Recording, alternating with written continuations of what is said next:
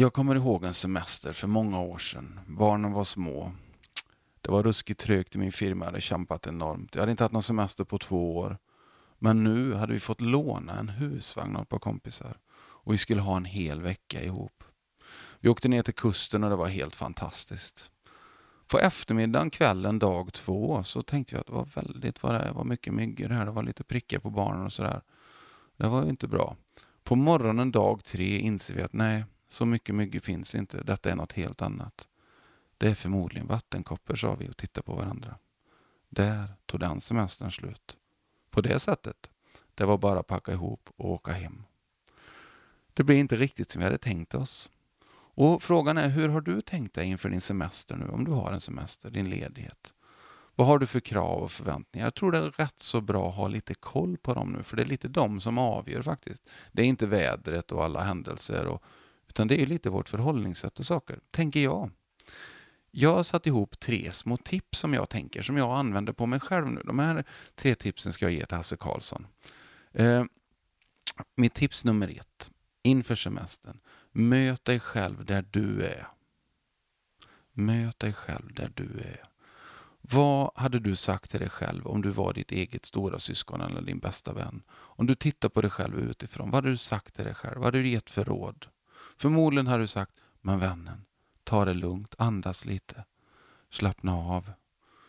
Du, du jobbar och sliter och sen blir semestern ett nytt stort projekt. Men skulle du inte vara ledig? Va? Och utifrån den punkten så ställer jag två små underfrågor. Och fråga ett, vad är rimligt då? Om du möter dig själv där du är, vad är rimligt just nu? Vad är rimligt mentalt? Vad orkar du? Vad orkar ni som familj om du har en familj? Vad, vad, vad är rimligt ekonomiskt? För barnen, många säger, vi vill ge barnen fina minnen. Så, ja, men om barnen, alltså om du är på en strand i Maldiverna eller om du är vid en insjö och badar i Kinnahult. Barnen är glada för att de får minnen ihop med dig och du är närvarande i deras liv. Så, så Maldiverna säger de ingenting, det är bara jobbigt att flyga länge. Så, så skyll inte på dem. Men vad är rimligt? Och sen tror jag det är viktigt att acceptera. Jag och barnens mamma, mitt ex, vi tittar på varandra och så accepterar vi att okej, okay, det var semestern slut. Det var inte roligt någonstans. Men de största gåvorna i livet, de var sjuka och nu åker vi hem och tar hand om dem. Och så blir detta något nytt. Jag säger inte att det var roligt, men att acceptera det gör det lättare. Och det, det hjälper mig att fokusera på rätt grej. Två, jag tror det är viktigt att du sköter din mentala kost. Min första eh, föreläsning eh, i början på 2000-talet den hette Den mentala kostcirkeln. Jag kanske ska damma av den igen faktiskt, den är rätt så aktuell. Men när jag säger din mentala kost, vad, vad fyller du din själ med för näring? Och Jag brukar hävda att världens bästa frukost och kvällsmat är tacksamhet. Det spelar ingen roll om livet är skit, det är skit. Det är okej, okay, du ska inte känna något annat. De flesta vet att jag är notorisk motståndare till positivitetsindustrin, att vi ska låtsas att allt är så bra och allt går ut på att vara lycklig. Och... Nej, men vi kanske ska hitta en positiv inställning, det är något annat. Och frågan är, finns det något jag kan vara tacksam för?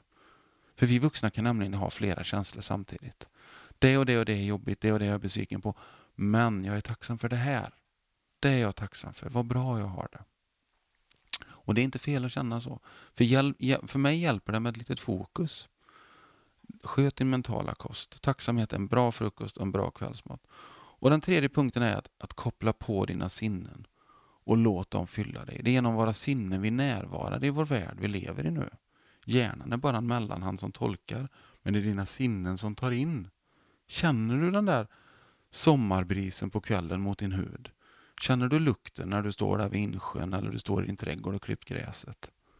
Ser du den blå himlen på morgonen? Eller känner du de här kalla dropparna från regnet? När jag sitter och säger detta så regnar det rätt rejält ute.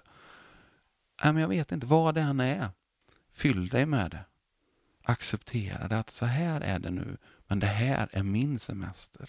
Det här är våran semester, så här ska vi ha det nu. För vi behöver alla tagga ner. Du är så hårt uppknuten i den här tidskorsetten jag pratar om. Eh, och det mår vi bra av att ha rutiner och så vidare. Men på semestern så släpper vi det. Så det tar ju minst en vecka innan du är en människa igen och fattar vad som har hänt. Men om du då lägger till massa projekt och grejer, jag tror det bara blir jobbigt. Njut, närvara, acceptera och ha världens bästa semester. Vi hörs igen. Ha det bra.